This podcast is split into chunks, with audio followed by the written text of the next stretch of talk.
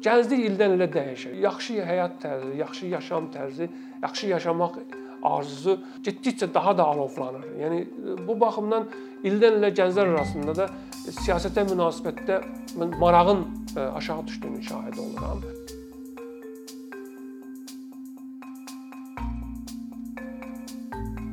Siyasi partiyaların əvvəla ondan başlayaq ki, cəmiyyətdə klassik olaraq, yəni e, tarixən əsas 3 funksiyası var.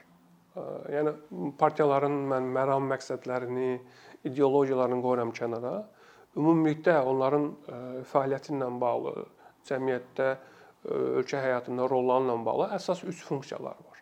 Birinci funksiyası siyasi partiya təmsil etdiyi qrup maraqlarını, ideoloji maraqları əsas tutaraq hakimiyyətə gəlməlidir.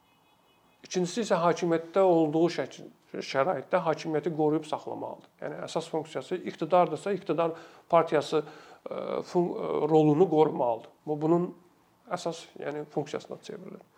Üçüncüsü isə siyasi partiyalar hakimiyyət uğrunda mübarizə ilə yanaşı, həm də cəmiyyətin e, taley işli məsələlərində rol almaq, cəmiyyəti dəyişmək, cəmiyyətdə baş verən proseslərə təsir etmək funksiyasına malik olmalıdır. Yəni partiyalar bu funksiyaların öhdəsindən o zaman gəlirlər ki, demokratik cəmiyyət mövcud olur. Yəni və yaxud da rəqabətli bir cəmiyyət mövcud olur. Tutalım ki, Azərbaycan timsalında seçkili hakimiyyət orqanları, bələdiyyələr, parlament və prezident ofisinə, prezident hakimiyyətinə iddialı olan siyasi partiyaların seçkilər olmadığı üçün, yəni siyasi mühit olmadığı üçün hakimiyyətə gəlmək imkanları məhdudlaşıb. Yəni hakimiyyət uğrunda mübarizə imkanları məhdudlaşıb. Yəni birinci funksiyanın öhdəsindən gələ bilmirlər. Obyektiv səbəblərdən. İkincisi iqtidar partiyası statusu da Azərbaycanda artıq öz əhəmiyyətini itirib. Çünki ölkəni bir partiya idarə etmir. Yəni deyilir ki, Yeni Azərbaycan partiyası iqtidar partiyasıdır. Xeyr. Yeni Azərbaycan partiyasının artıq 10 ilə yaxın, bəlkə də daha çox iqtidar partiyası kimi mövcudluğu göz qabağında deyil. Biz tam şahidi olmuruq ki, hansısa proqramların qəbulu bu partiyadan gəlir. Partiya hansısa proqram hazırlayır, partiya hansısa layihə, qanun layihəsi hazırlayır. Partiyanın parlamentdəki çoxluğu hansısa məsələ ilə bağlı gündəm yaradır, gündəlik yaradır, layihələr təklif edir və s. və ilə axır. Yəni nə parlamentar e, parlamentin özündə, nə bələdiyyə idarəsində, yerli səviyyədə, nə də ümumiyyətlə mərkəzi icra hakimiyyətinin idarə olunmasında iqtidar partiyası kimi Yeni Azərbaycan partiyası iştirak etmir. Deməli, bu iki funksiyanı partiyalar e, malik deyillər. E, reallaşdıra bilmirlər. O zaman qalır bir dənə, yalnız bir funksiya, o da cəmiyyətə müxtəlif vasitələrdən istifadə etməklə təsir etmək, cəmiyyəti dəyişmək, cəmiyyətdə yeniliklərə nail olmaq, problemlərin həllinə nail olmaq. Bax bu məsələdə çoxlu sayda partiyalar var ki, iddialıdırlar və çalışırlar.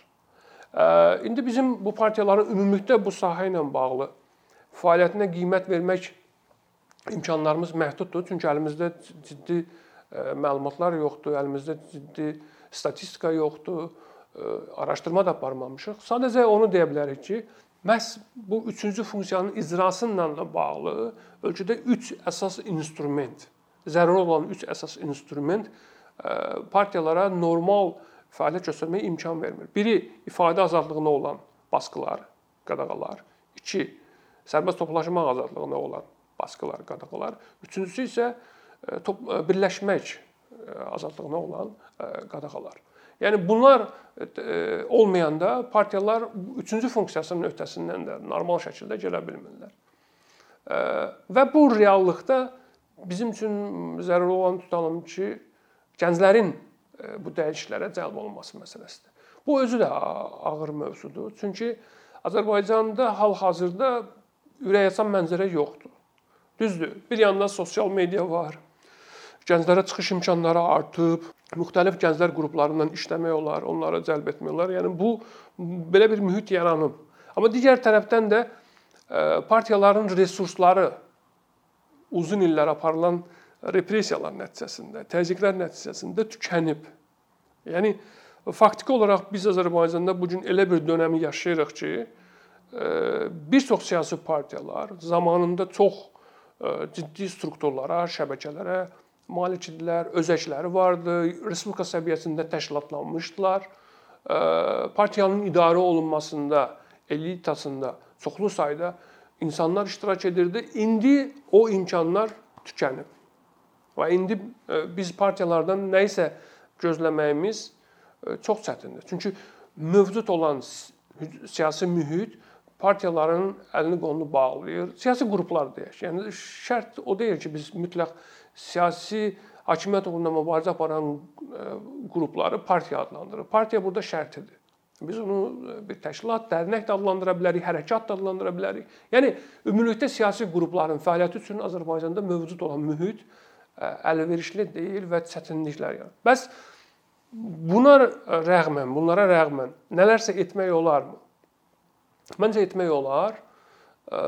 Birinci növbədə partiyalar gənclərlə bağlı siyasətində nəyə əsas verməlidirlər? Onlar Azərbaycanda gənclərlə birgə siyasi aydınlanma hərəkatına, siyasi aydınlanma prosesinə hazırdılar yoxsa yox? Çünki Azərbaycan Sovetlərdən dağıldıqdan sonra ümumiyyətlə Sovetlər bir şeyi qəti olaraq qəbul edək ki, Çar Rusiyasının törəməsi kimi, yəni Çar Rusiyası ərazisində qurulmuş bir rejim kimi bu ərazilərdə biz də daxil olmaqla maarifçilik hərəkatı yaşansa da 19-cu əsrin sonu, 20-ci əsrin əvvəllərində siyasi maariflənmə yaşanmadı. Söhbət siyasi maariflənmə dedikdə nədən gedir? Yəni e, rasional siyasi dünya görüşün cəmiyyətdə qəbul olunması. Yəni rasional e, şəkildə siyasətin dərk olunması, siyasi ideyaların, dəyərlərin dərk olunması, seçkilər seçki institutuna, seçkili hakimiyyət orqanlarına münasibətin formalaşması, siyasi azadlıqlara, ifadə azadlığı,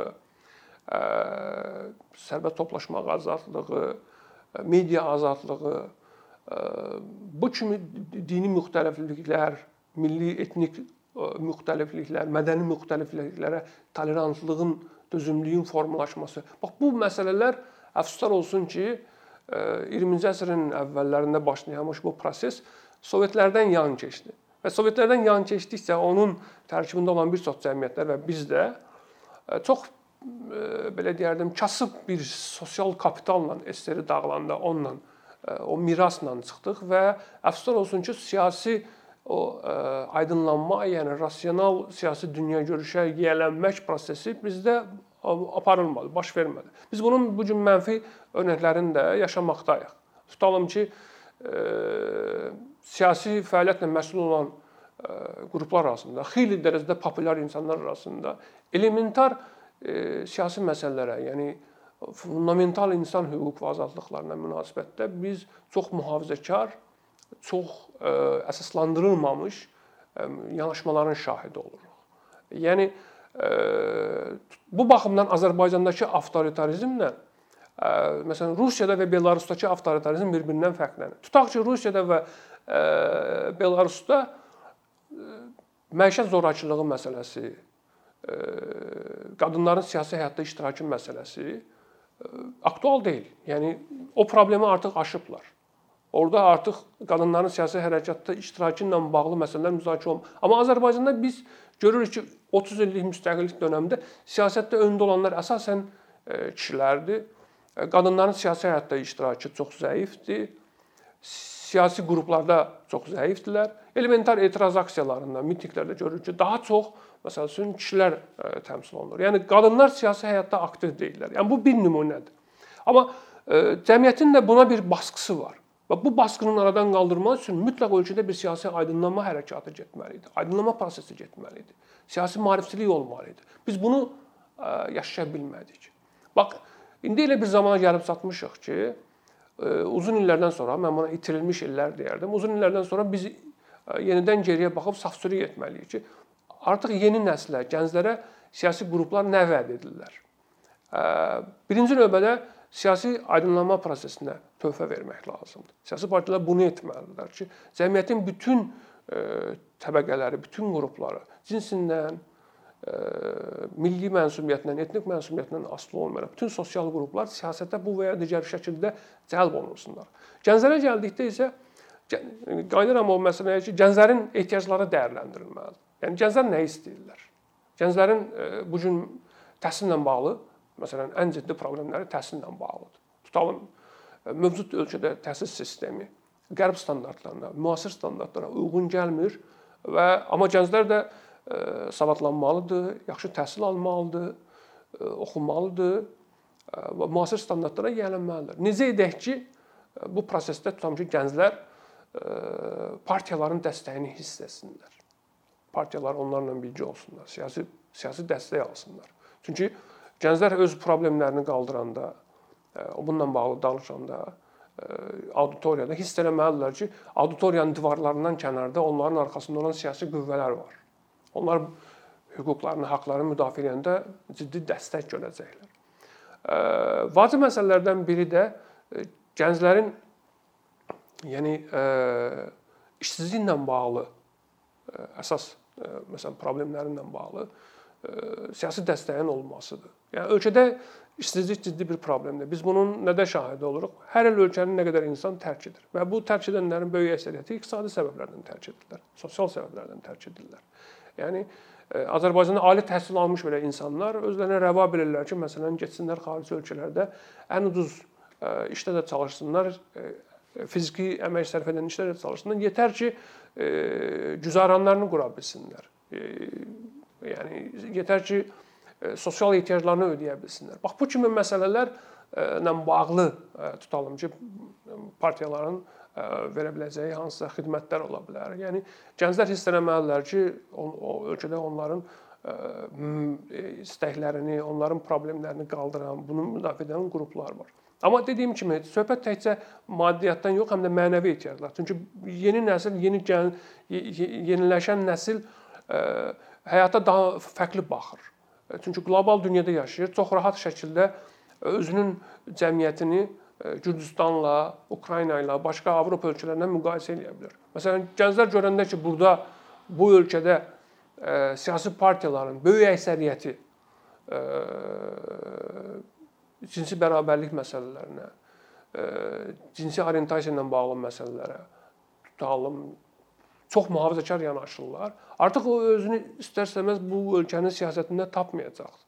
Çünki e, yeniləşən nəsil həyata başqa cür baxır. Yeniləşən nəsil 30 e, il, 40 ilin gəncliyi qədər tutalım ki, həyatı bir qütbdən baxa bilməz. Artıq onun çoxlu mənbələri var, çoxlu mənbələrdən oxuyur, öyrənir və o istəyir ki, ölkəsində tolerantlıq daha yüksək səviyyədə olsun və və s. Amma digər bir məsələ var ki, ola bilər ki, bütün gənclər açıq fikirli, mühafizəkar baxışlardan uzaq deyillər. Amma siyasi partiyalar da bu məsələ düşündürməlidir necə edək ki, gənclər mühafizəkar dünya görüşdən uzaqlaşsınlar, daha açıq fikirli olsunlar. Çünki yenilənmə qayıdıram o rasionallıq məsələsinə. Rasional dəyərlərdən, rasional düşüncədən gedir rasional düşüncəni gənclərə necə təlqin edək? Çünki gənclər rasional düşünməyə başladıkca mühafizəkar qruplara, partiyalara da qoşulmayacaqlar, hərəkatlara da qoşulmayacaqlar. Onlar sorğulamağa başlayacaqlar. Onlarda şəxsiyyətə pərəstiş olmayacaq. Onlarda e, tutalım ki, uzun illər, yüz illər boyu formalaşmış o patriarxal ənənələrə sevgi olmayacaq. Ehtiram olmayacaq. Onlar onlar dərk edəcəklər ki, cəmiyyətdə bir şəxsiyyət kimi formalaşmaq üçün, olmaq üçün sorğulamaq onların ən doğal haqqıdır. Bu haqqa sahib olmaq üçün partiyalardan da bir dəstək görməlidirlər. Yəni partiyalar bu məsələlərdə çox həssas davranmalıdırlar ki, maksimum şəkildə gənclərin köhnə ənənələrlə, köhnə dünya görüşlə, mühafizəkar dünya görüşlə olması onların siyasi mübarizəsində mənfi təsirini göstərir. Çünki Gənclər əgər gənclər sorğulamırsa, bizdə də belə gənclər də çoxdur. Gənclər mövcud mentaliteti tutalım ki, sorğulamırsa, şəxsiyyətə pərəstişi sorğulamırsa, ölkədə tutalım ki, mövcud olan qadın-kişi münasibətlərini sorğulamırsa, cinsi orientasiya ilə bağlı, insanların cinsi orientasiyası ilə bağlı, etnik mənsubiyyəti ilə bağlı, dini mənsubiyyəti ilə bağlı məsələlərə çox E, monoton yanaşırsa, bu partiyalar da qayğılandırmalıdır. Ki biz necə eləyək ki, bu dəyərləri dəyişək. Yəni bəzən partiyalar fikirləşirlər ki, müəyyən şəxslər ki, yox, bu həssas mövzulardır. Biz daha çox hakimiyyətə gəlmək uğruna bu. Amma hakimiyyətə kimdən gələcəksiniz?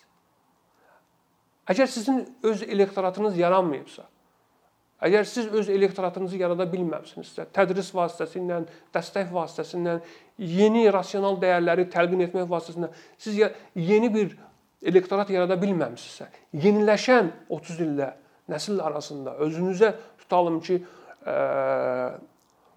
yenilikçi bir nəsil formalaşdıra bilməmişdinizsə, o zaman çətin olacaqdır. Yəni siyasi aydınlanma, rasional dünya görüşün bu ölkəyə, siyasi düşüncənin, siyasi tənqidi düşüncənin bu ölkəyə oturuşması mümkün olmadıkca bu proses çətin olacaqdır. Ona görə də mən partiyalardan əsas gözləntim odur ki, baxsınlar. Məsələn, bir sıra ölkələrin təcrübələrinə də müraciət etmiyorlar. Mən partiyaların çatışmazlıqlarına gəldikdə problem burasındadır ki, partiyalar uzun illər gənclərə idarəçilikdə daha çox sözə baxan, onların əmr və sərəncamlarını, yəni yuxarı orqanların əmr və sərəncamlarını icra edən e, dinməz söyləməz bu məsələləri yerinə yetirən bir e, drujina kimi yanaşıblar, bir yəni üzvlər kimi yanaşıblar. E, bu bu baxış da dəyişməlidir. Gənclərin partiyalara cəlb olunursa əgər, onlar o partiyalardan nə hansısa formada faydalanmalıdır.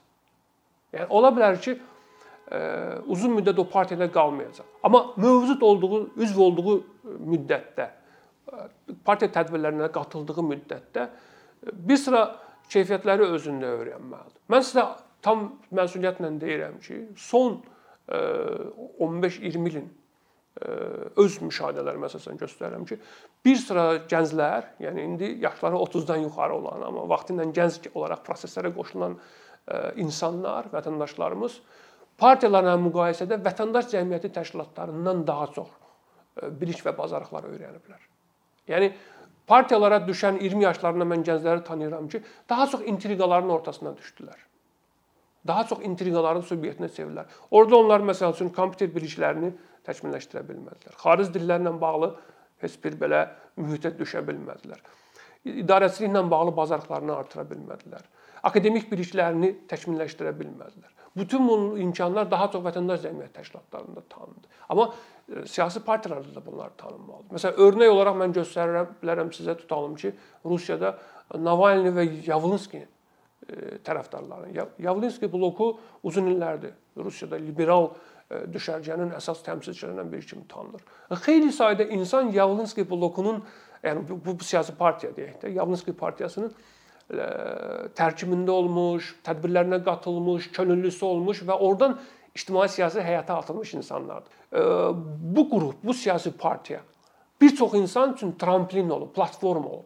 İlk siyasi ictimai fəaliyyətlərini oradan başlayıblar və çox ciddi bacarıqlar əldə ediblər. Bax, dediyim kimi partiyalarda bu imkanlar olmalıdır. İndi mən partiyaları qınaya bilmirəm. Çünki indi artıq ofislər yox, qərargahlar əllərindən alınıb. İndi bu imkanlar çox məhdudlaşır. Amma mən zamanında deyirəm ki, 10 il əvvəl, 15 il əvvəl bu e, strukturlar olanda, bu resurslar olanda həmin resursları gənclərə e, təqdim etmək lazım idi və motivasiya etmək lazım idi ki, xeyli sayda gənc gəlsin və oradan nə isə bəhrələnib getsin, faydalanıb getsin.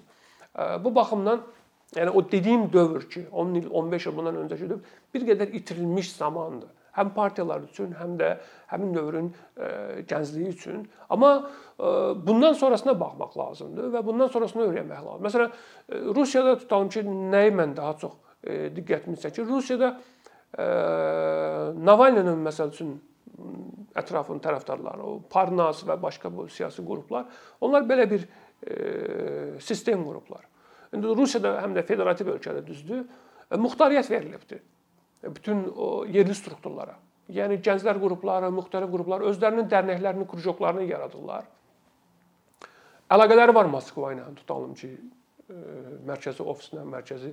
Amma e, yerlərdə bir çox məsələlərdə müstəqildirlər.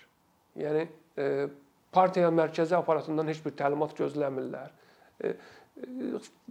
Çox vacib, əhəmiyyətli məsələlərdə öz qərarlarını partiyanın mərkəzi orqanlarına razılaşdırırlar, amma yerli seçkilər və başqa kimi məsələlərdə çox rahatlıqla muxtar struktur kimi, müstəqil, yarım müstəqil qurum kimi çıxış edə bilirlər. Bax bu məsələlər bizim partiyalarda bir qədər məncə qorunmur, təmin edilmir. Yəni muxtariyyətlərin verilməsi gənclər təşkilatlarına, gənclər strukturlarına, partiyanın daxilində törəmə təşkilatlarının yaranması, müxtəlif qrupların yaradılması, dərnəklərin formalaşdırılması. Bunun üçün yəni e, baxmaq lazımdır, imkanlar vermək lazımdır ki, cəmiyyətin müxtəlif sosial qruplarına toxunan, onların həyatına bu və ya digər formada təsir edəcək sosial təşəbbüsləri dəstəkləmək. E, kəndlərdə, şəhərlərdə, rayonlarda e, şərt deyil ki, o prosesdə hər kəs partiyanın üzvü olmalıdır. Yəni o partiyanın üzvü olmaq anlayışını da bir qədər kənara qoymaq lazımdır. Partiyalar ümumiyyətlə e, idarə olunmaq üçün lazım olan qədər üzv özünə cəlb etməlidir ki, mənim tutalım ki, partiyamın qurultayı, məclisi, idarə heyəti, rəyasət heyəti, divanı, e, katibliyini idarə etmək üçün 50, 30, 40, 100 nəfərə ehtiyacım var. Və salam.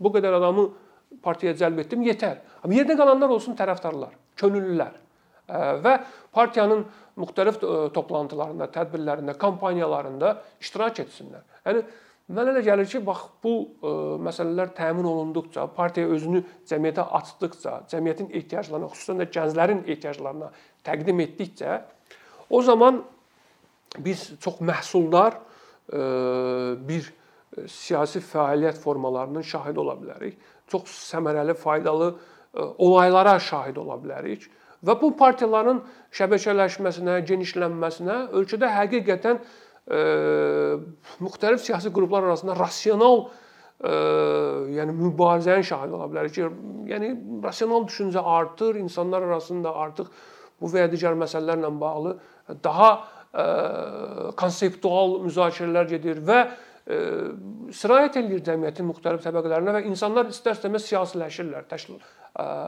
siyasiləşməyə başlayırlar. Və bunun baş verməsi üçün partiyalar elə bil ki, üzərinə həm də bir laboratoriya funksiyasını götürməlidir. Yəni ideya partiya daxilində, partiyalar daxilində, qrup siyasi qruplar daxilində qaynamalı, cəmiyyətə ixrac olunmalı, cəmiyyət bunu müzakirə etməli, sonra cəmiyyətdə dolaşıb yenidən partiyaya qayıtmalı və bu tutam hansısa sənəd, hansısa proqram şəklində düşməlidir. Bax belə bir ə, kommunikasiyanın qurulması, daxili və xarici kommunikasiyanın qurulması ə, çox çox əhəmilidir və bunu etdikcə partiyalar cəmiyyətə açılacaqlar.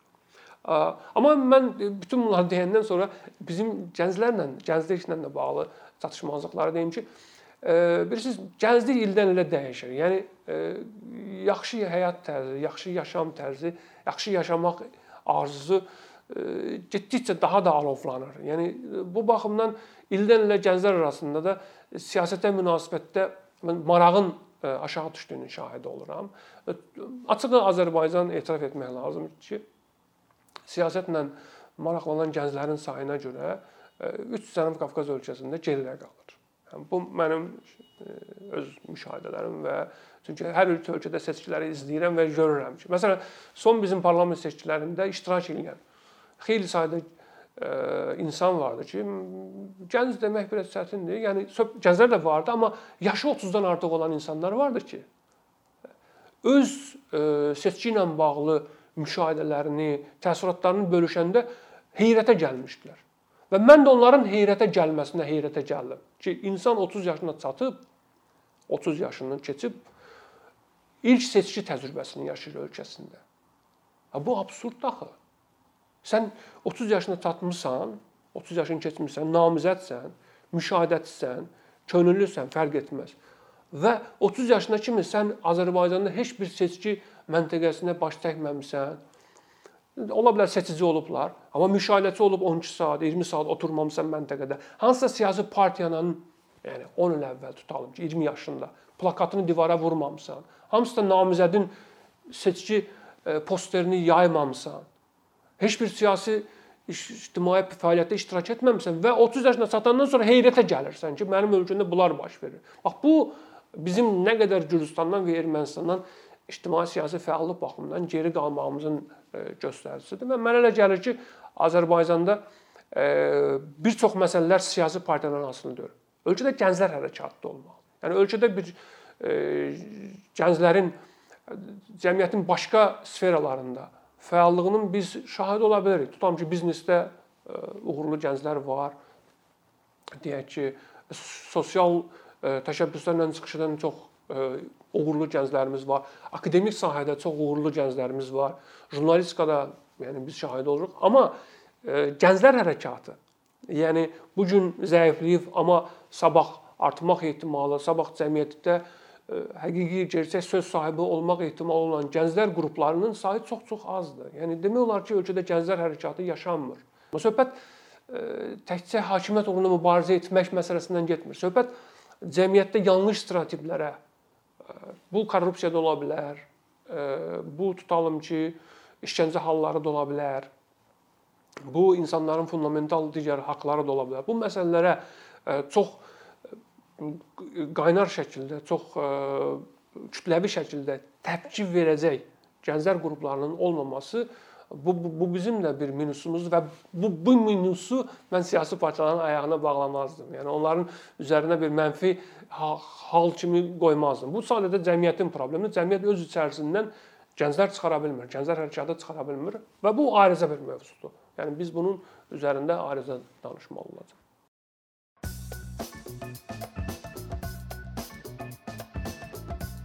Bir neçə ildir ki, əkinçi olaraq azərbaycanlı izləyicilərin hər zaman faydalana biləcəyi keyfiyyətli və ən əsas ödənişsiz kontent hazırlamağa çalışırıq. İndiyədək təqdim etdiyimiz onlarla animasiya və yüzlərlə çəkilişlər tələbələrin, mütəxəssislərin, müəllimlərin və ümumiyyətlə yeni mövzulardan xəbərdar olmaq istəyən çox sayda insanın marağına səbəb olub. Bu illər ərzində hazırladığımız videolar təhsil, texnologiya, ictimai fəallıq, iqtisadiyyat, gender bərabərliyi, ətraf mühit, ifadə azadlığı, hüquq, demokratik inkişaf, mədəniyyət və digər mövzuları əhatə edib. Məqsədimiz çoxlu baxış gətirən deyil, çoxlu fayda gətirən videolar hazırlamaqdır. Amma bu düşündüyümüz qədər asan deyilmiş. Gördüyümüz iş kifayət qədər resurs, əmək və təbii ki, davamlılıq tələb edir. Bu səbəbdən Patreon platformasından istifadəyə başladıq. Əkinçinin Patreon hesabının populyarlaşmasına çox böyük ümidlərimiz və gözləntilərimiz var.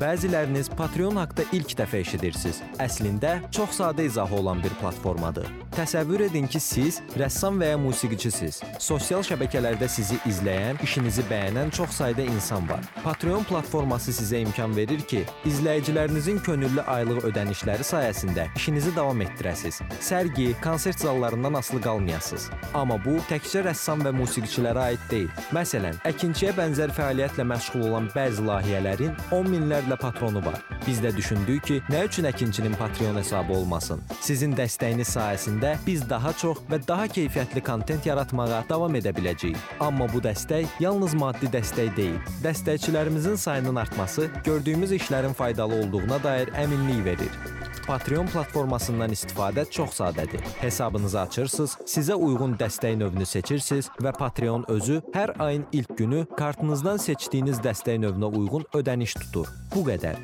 Sonda onu demək istəyirik ki, dəstəkçilərin sırasına qoşulmaq istəyən, amma məhdud imkana görə bunu edə bilməyənlər narahat olmasın. Daha öncə dediyimiz kimi, bizim əsas məqsədimiz daha çox insanın hər zaman faydalana biləcəyi keyfiyyətli və ödənişsiz kontentin yaradılmasıdır. Bunun üçün mütləq patronumuz olmalısınız deyə məcburiyyət yoxdur. Amma imkanınız patron olmağa çatırsa və bizim işimizi bəyənirsinizsə, patronlarımızın sırasına qoşulmağınız bizim üçün çox önəmlidir.